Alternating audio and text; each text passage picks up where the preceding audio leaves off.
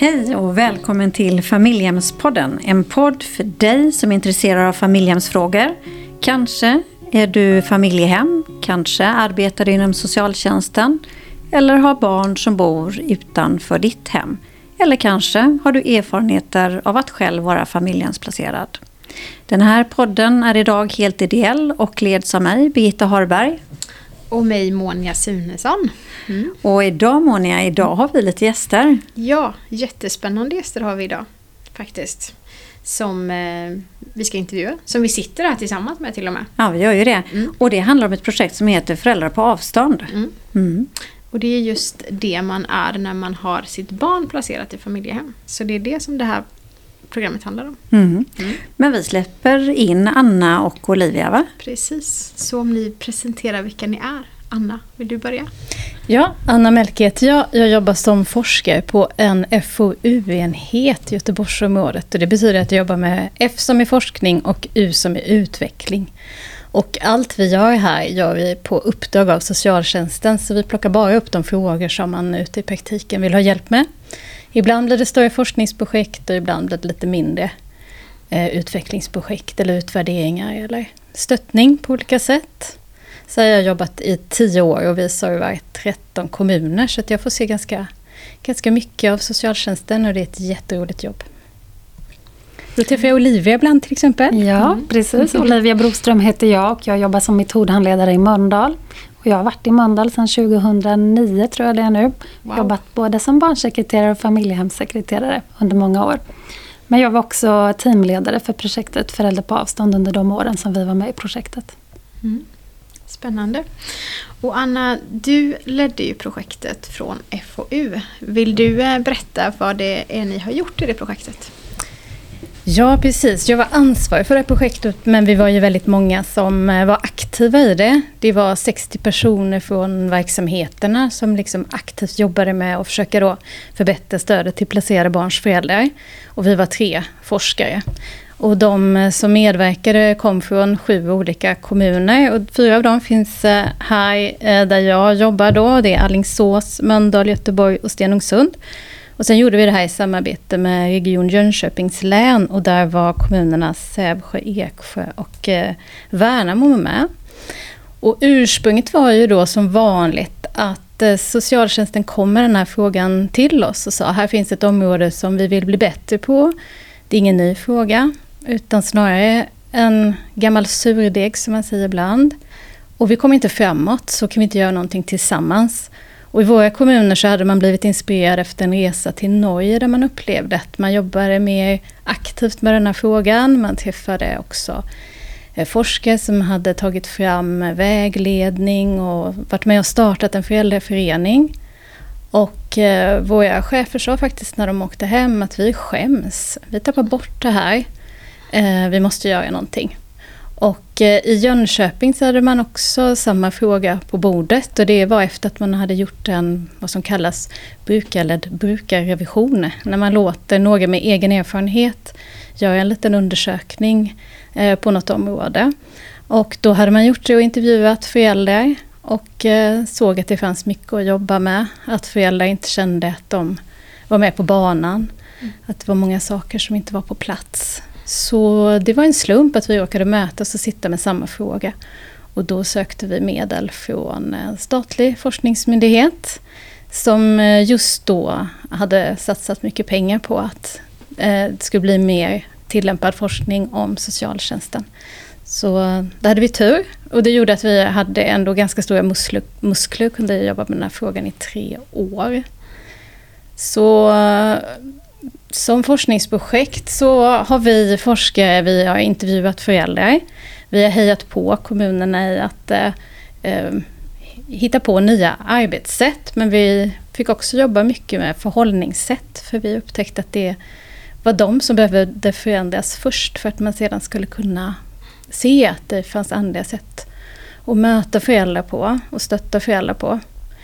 Eh, och sen har vi hjälpt till också att inventera och tittat på vilket stöd får föräldrar faktiskt. För känslan var att man inte var bra på, tillräckligt bra på att stötta föräldrar. Men då kunde vi också konstatera att när vi undersökte det på ett mer systematiskt sätt så, så var det så det såg ut. Så det var inte bara en känsla utan också fakta. Mm. Det var väl de viktigaste sakerna vi gjorde. Sen intervjuade vi socialtjänstpersonal också om de här frågorna. Och intervjuade dem om varför de trodde att det var så här och eh, om de upplevde att de kom framåt i frågan och så. Så försökte få syn på hinder för att kunna undanröja dem. Um, ja, och um, vi höll på i tre år och det som vi har gjort, det finns mycket man kan titta på på vår hemsida där vi försökt dela med oss mycket. Och där tänker jag också att vi kommer ju länka eh, de här rapporterna på Familjehemspodden. Eh, och vi kommer också kunna länka till GR som är huvudägare av dem. Ja, ja precis. För att vi, vill, vi har märkt att det är många kommuner som, som hör av sig och som vill eh, komma framåt i det här. Och jag upplever också att det på många ställen har börjat hända saker. Det är kanske jag som tror det för att jag har haft ögonen på detta och gärna vill tro att eh, folk har satt fart. Men att man har anställt föräldrastödjare där till exempel. Eh, men då kan man ju få lite inspiration och se de olika sätten som man eh, jobbade fram i våra kommuner. Det handlade ganska mycket om att förbättra umgänget. Eh, om att bli bättre på att få med sig föräldrarna i att förstå vad det är som händer. Kunna ta emot all den information som man la väldigt mycket tid på att ge men märkte att den ändå inte fastnade. Ehm, och sen är det också gemensamt för de flesta kommunerna att de eh, startade något som de kallar för krisstöd. För att man blir väldigt medveten om att de här föräldrarna befinner sig faktiskt i en väldigt svår situation och vi finns inte riktigt där och fånga upp dem.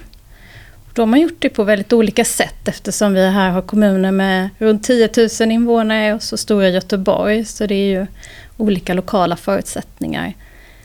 Och det finns ju inte någon, vad man ibland kallar för evidens eller något forskningsstöd för att man ska göra på något särskilt sätt. Det finns liksom inga metoder på det sättet utan här får man eh, göra det som är möjligt.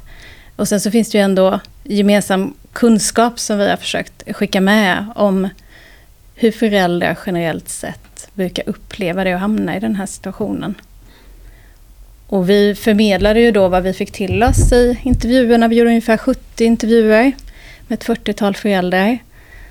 Och eh, det upplever jag att det var det som kanske också kröp under skinnet på alla som var med. Att det blev så tydligt att man känner sig bortglömd och utestängd och kanske framförallt väldigt rädd. För vi träffade föräldrar som eh, Många av dem hade själva initierat en placering så det var inte så att det bara var eh, familjer med väldigt svåra problem eller eh, som motsatte sig att socialtjänsten fanns med i deras liv utan de hade själva kunde uppleva att de hade bett om det under en lång tid. Men oavsett vilken position man befann sig i så var det gemensamt. Att man tyckte att det var väldigt svårt och att man, att man inte fick en chans att finnas kvar som förälder. Mm. Så eh, ja, det var väl på det sättet vi, vi bidrog. Sen har ju kommunerna gjort jobbet själva. Precis, för med oss har vi ju Olivia. Mm. Och eh, vad var det som ni gjorde i er kommun? Och hur arbetade ni med det? För jag har förstått att det var du som var eh, samordnare för arbetet i Mölndal. Mm, jo men det var det. Vi jobbade ju med många olika delar och mycket handlade om just stödet till föräldrarna. Vi blev ju väldigt medvetna om det, eller påminda om det som Anna precis sa. Att, eh, att det här var en grupp som vi behövde satsa mer på, som var bortglömda. Och precis som du säger Anna, så blev det väldigt tydligt när vi fick ta del av liksom den stora massan mm. föräldrar i de här intervjuerna. Eh, men någonting som vi valde att också fokusera på parallellt med stödet till föräldrarna, det var ju också att jobba med familjehemmen. Vi tänkte att få ihop den helheten och det här tredelade föräldraskapet som vi pratar om så många gånger. Då behöver de delarna gå ihop. Så det bestämde vi oss ganska tidigt för i projektet att jobba parallellt med. Eh, och för att börja med det så fick vi börja i själva arbetsgruppen.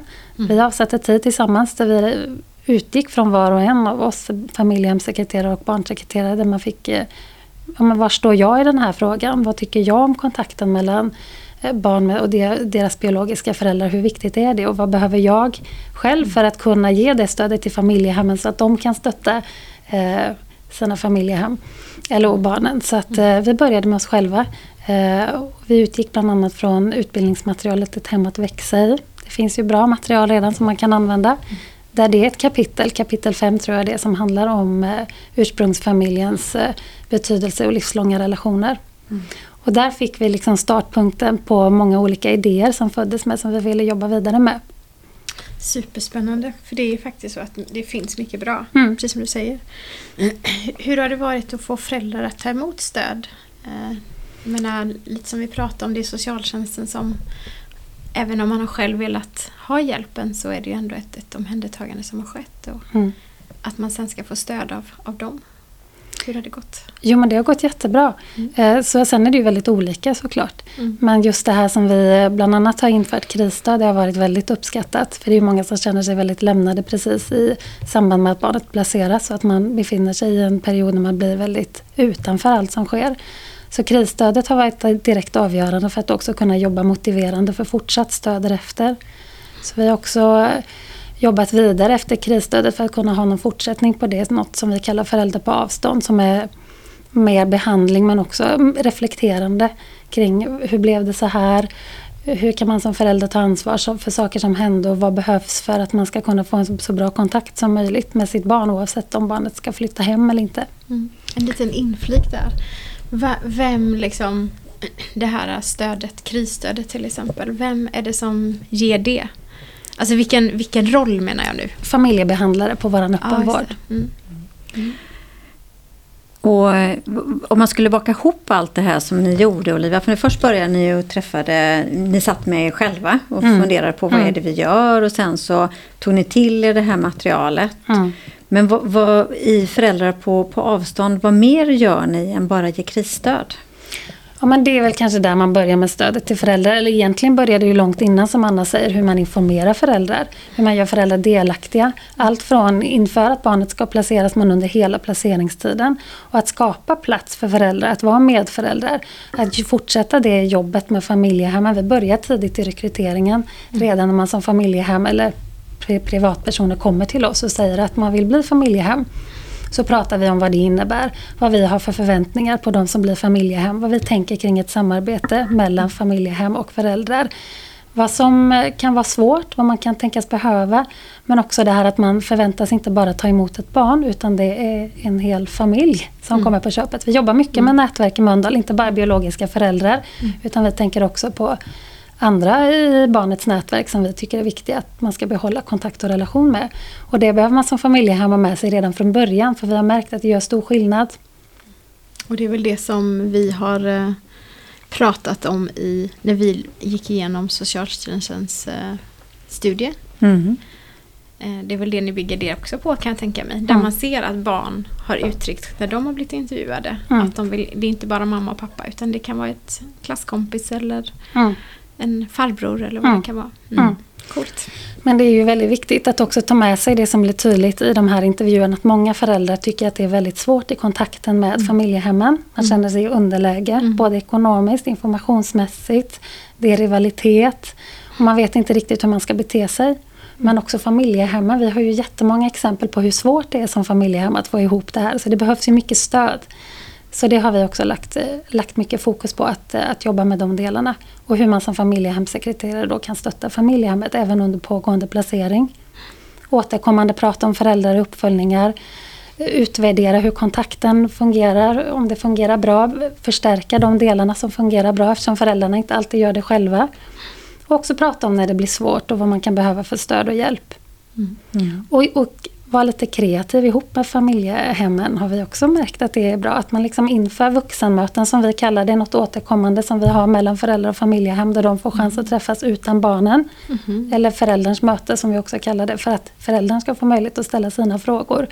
Och då kan man som familjehem behöva vara väldigt förberedd innan det och vara nyfiken på föräldern som kommer in där.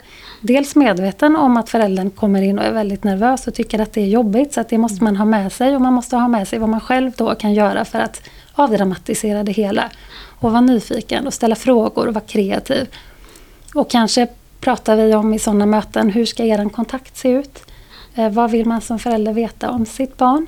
Hur vill man ha den informationen och hur mycket kan familjehemmet ställa upp där och vara kreativ kring att nej men, det finns ju jättemånga olika informationskanaler nu för tiden. Mm. Så vi har ju familjehem som öppnar Instagramkonto som bara mm. föräldern har tillgång till. Mm. Så att de lägger ut bilder så eller så öppnar de en messengergrupp eller så det bästa är när de kommer överens tillsammans och vi som socialtjänst slipper vara den här mellanhanden där all information ska gå igenom.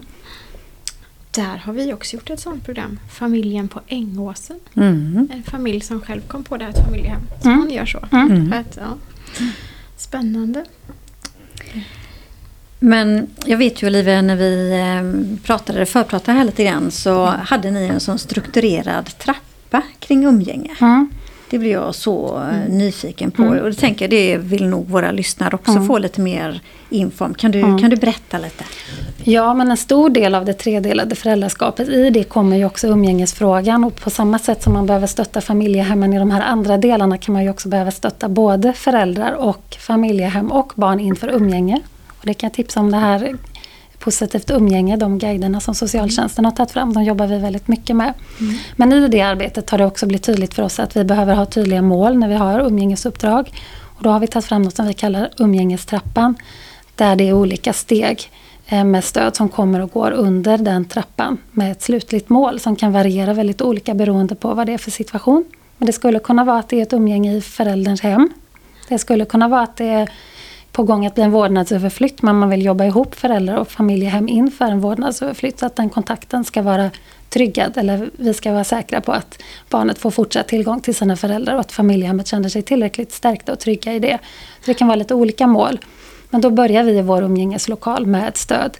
När det fungerar bra, då backar stödet. Sen kan vi byta miljö, då kan vi vara utom, eller utomhus någonstans på en offentlig miljö eh, med stöd inledningsvis. Men sen att stödet går tillbaka och så slutliga steget kan ju då vara till exempel i förälderns hem och då är stödet med där för att sedan så småningom då slussas ut helt. Mm. Så vi kombinerar då också, liksom, det är inte bara stöd under själva umgängestillfällena utan det är inför, under och eh, emellan. Och det kan vara i kombination med KOS eller tryggare barn eller andra saker. Så att ett kombinerat umgängesstöd med familjebehandling. Precis, för det är det som Olivia nämnde när hon sa KOS och eh, vad var det mer? Tryggare barn. Tryggare barn. Det är sådana här evidensbaserade eh, familjestödsprogram. Mm. Mm. Men vi har ju märkt att vi ser just väldigt positiva effekter av att de som jobbar med föräldraförmågan hos föräldrarna, att det också är de som är med på umgänget. Då mm. ser vi större resultat än att det separeras, att man sitter och jobbar med föräldrarna på ett ställe och sen har man umgängesstödjare som är med under själva umgänget. Det är ju ett mer klassiskt sätt kanske. Ja. Men det låter som att familjebehandlarna hos er har blivit en större del i familjehemsarbetet mm. än vad det kanske gängse är. Mm. Mm. mm. Och det är väl det som är saken med hela det här projektet, att vi har verkligen fått ficklampan på det här. Mm. Och man har förstått vikten av att jobba med stöd med placerade barn, deras föräldrar och med familjehem. Så att vi har verkligen fått möjlighet att kunna erbjuda det här stödet, mm. satsa på det. Härligt. Och eh, om jag har förstått rätt så har ni hållit på ett tag nu. Vad, eh, har, har ni något eh, på gång framöver eller hur, hur går det? Alltså själva grejen med hela projektet var ju att hitta förändringsidéer som skulle vara över tid. Det var inte mm. att vi skulle gå in i det här som ett projekt och testa saker och sluta utan jag tänker att vår utmaning är att hålla vid, fortsätta jobba med de förändringsidéer som vi har, har tagit fram och fortsätta att utvärdera. För det har också varit en stor del av hela det här projektet. Att man tittar på det man gör. Mm. Man utvärderar inte bara hur det har blivit för oss inom organisationen utan man utvärderar också med klienter. Hur blir det här för föräldrarna? Hur blir det för barnen? Och hur blir det för familjehemmen? Så att vi hela tiden skruvar på våra idéer. Så det tänker jag är fortsatt utmaning och något som vi ska fortsätta jobba med. Då flikar jag in där bara. Vad, vad får ni för respons av familjehemföräldrar och barn? För det hade vi eh, inte förberett frågan. Nej, men vi har fått mycket bra feedback och jag tänker det som har blivit väldigt tydligt för barnen det är att mm. just barnen blir väldigt avlastade när de vet att någon tar hand om deras föräldrar. Mm. Att de vet att de, föräldrarna erbjuds stöd. Det är inte alla föräldrar som tar emot det men det finns stöd där om man behöver det. Det har varit väldigt positivt. Och sen så får jag väl säga att alltså det här att vi har börjat jobba väldigt aktivt med föräldrarna, det har inte bara varit positivt för alla. Det är klart att det ställer väldigt mycket krav på familjehem och ibland mm. så, så säger de stopp och nej och det här mm. känns alldeles för svårt just nu. Mm. Eh, och det måste man ju ha respekt för. Mm. Men också tänka lite kring vad behöver vi på socialtjänsten göra annorlunda då? Vilket stöd behöver vi ge dem för att de ska bli mer bekväma i det här. För det är klart som jag sa i början att börjar man tidigt i rekryteringen med familjehemmen och jobbar med det här så blir det enklare. Men vi har ju familjehem som har hållit på i väldigt många år som redan har sätt att jobba på och hittat sitt sätt att förhålla sig till föräldrar och så som de tycker fungerar. Och det är klart att det kan bli lite svårt när vi då kommer in och helt plötsligt tänker att nu vill vi att ni ska ha mycket mer kontakt eller vi vill att ni ska göra på ett annat sätt. Att det ställer ju saker på sin spets. Mm. Fortsatt skruvande då? Mm, fortsatt skruvande och motiverande. Och mm. framförallt att alla ska förstå syftet och vikten av att det fungerar. Mm. Jag tänker att det är det som är själva huvudfrågan till att få det att bli bra. Att man förstår att det faktiskt blir positivt. Mm. mm. Och jag tänker det här med barnperspektivet. För det brukar vi ju alltid ha som en fråga när vi börjar knyta ihop säcken. Eh, och det är klart att mycket har ju redan varit tydligt. Men om vi ändå skulle skruva lite grann till på det, Anna. Eh, på vilket sätt har det här, den här forskningsstudien eller studien eh, liksom Föräldrar på avstånd liksom gagnat barnperspektivet? Ja, men det är en jätteviktig fråga och det skulle jag säga är en av de hinder som vi upplevde stod i vägen för att våga ta tag i detta. För det är en sak att ja, men vi på FoU får till oss att man vill jobba med den här frågan och så, så försöker vi bädda för det och så kommer vi tillbaka och säger nu är det dags för ett projekt.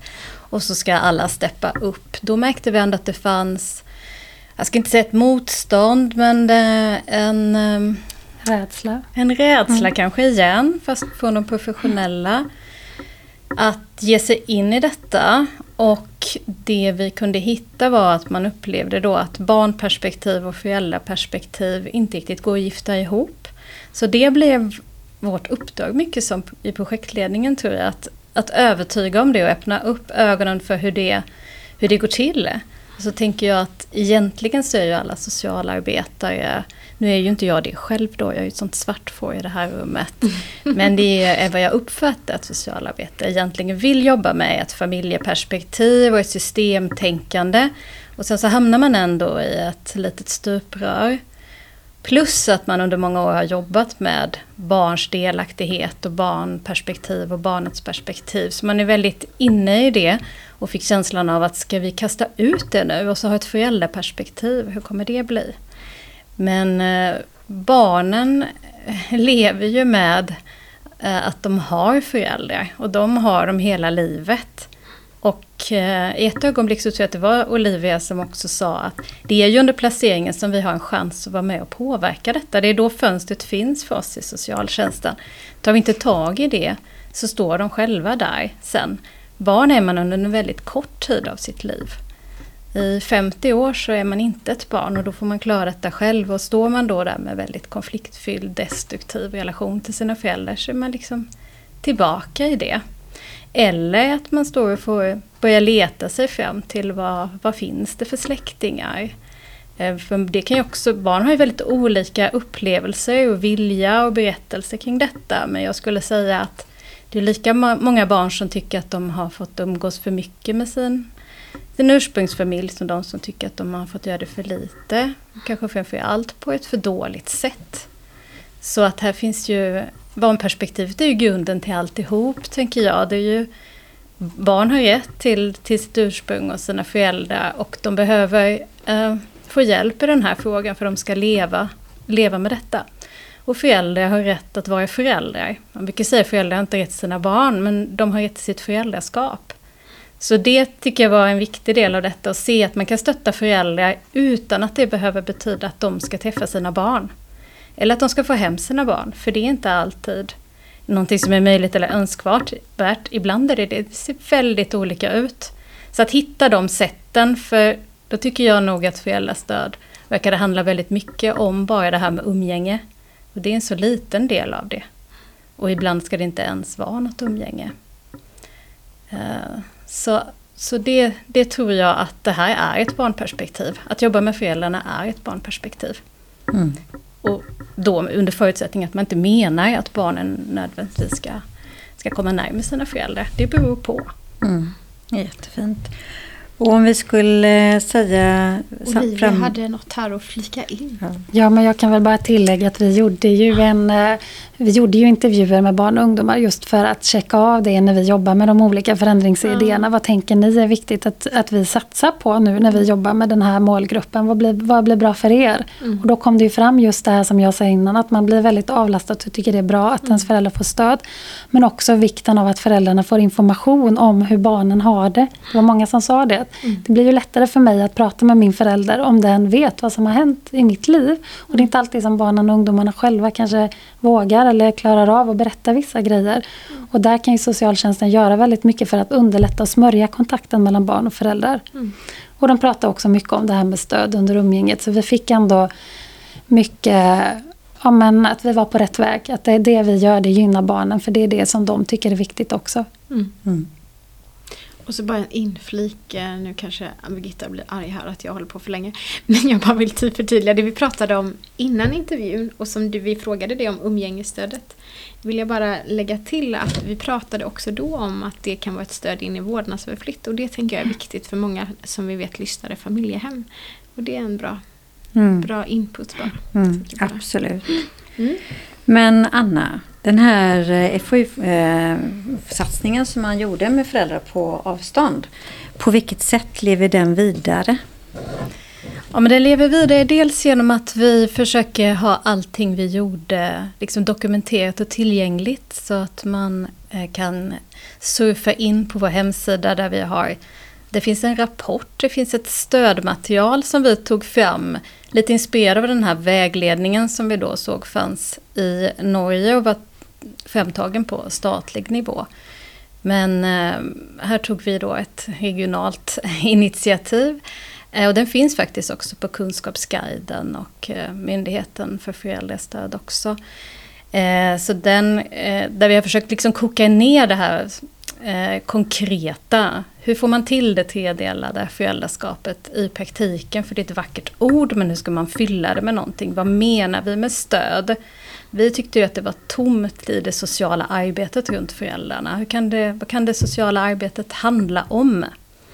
Och sen så finns det flikar där man kan gå in och kika på, på varje kommun då, vad de gjorde där de berättar lite mer. Det finns kontaktuppgifter.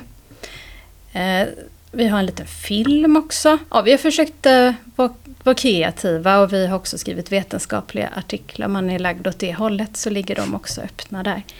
Eh, men sen har vi ju den sista produkten vi har skapat här nu är en, eh, en kompetenssatsning. Man kan kalla det för en kurs. Det är fyra dagar. Man får träffa mig, och Olivia och flera andra som var med i det här projektet. Där vi, vi liksom har försökt göra ett koncentrat av det vi tog med oss ur projektet. Och eh, vi har full, eh, fullt gäng. Eh, jag visste inte riktigt om vi skulle locka folk till en så här ny slags kurs. Men det var jättestort intresse. Så vi har fyllt platserna och kommer starta här i, i maj. Och sen kör vi en ny omgång förhoppningsvis till hösten. Eh, så att vi sprider det till fler kommuner. Eh, så, så det finns också. Så jag, jag, hoppas att det finns ganska mycket att ta del av. Och man får också gärna höra av sig till mig. Eh, det gör folk ganska ofta. Förra veckan var det en barnmorska som hörde av sig till exempel och ville jobba med omhändertaganden på BB som inte hon tyckte blev tillräckligt bra i den kommun hon, hon fanns. Och då blir jag ju helt lycklig för som forskare är det ju liksom, man är så långt från verkligheten men driven av att, att bidra till förbättringar.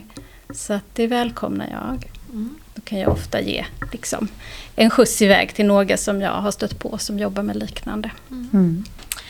Jättespännande och då tänker jag att vill man ha kontakt med dig så är det ju bara din namn anna.melke eh, Göteborgsregionen.se och googlar man på förälder på avstånd så, så kommer, man till, man till vår sida. Mm. Sen, sen, som vi sa innan, vi kommer länka alltihopa. Men om man bara lyssnar så är det ganska enkelt också. Mm. Men då tänker jag att vi... Eh, vi tackar ja. Olivia och Anna för att de har varit med oss i podden. Och berättat mer om föräldrar på avstånd, både om forskningsstudien men även faktiskt hur man konkret arbetar med det här i Mölndals stad. Mm. Mm. Tack så jättemycket. Tack för att vi fick vara med. Tack så mycket. Ja. Eh, och är du nyfiken på frågor kring familjehemsvård så kika gärna in på vår hemsida, Instagram och Facebook. Yes. Ha det, Ha det gott. gott! Hej hej!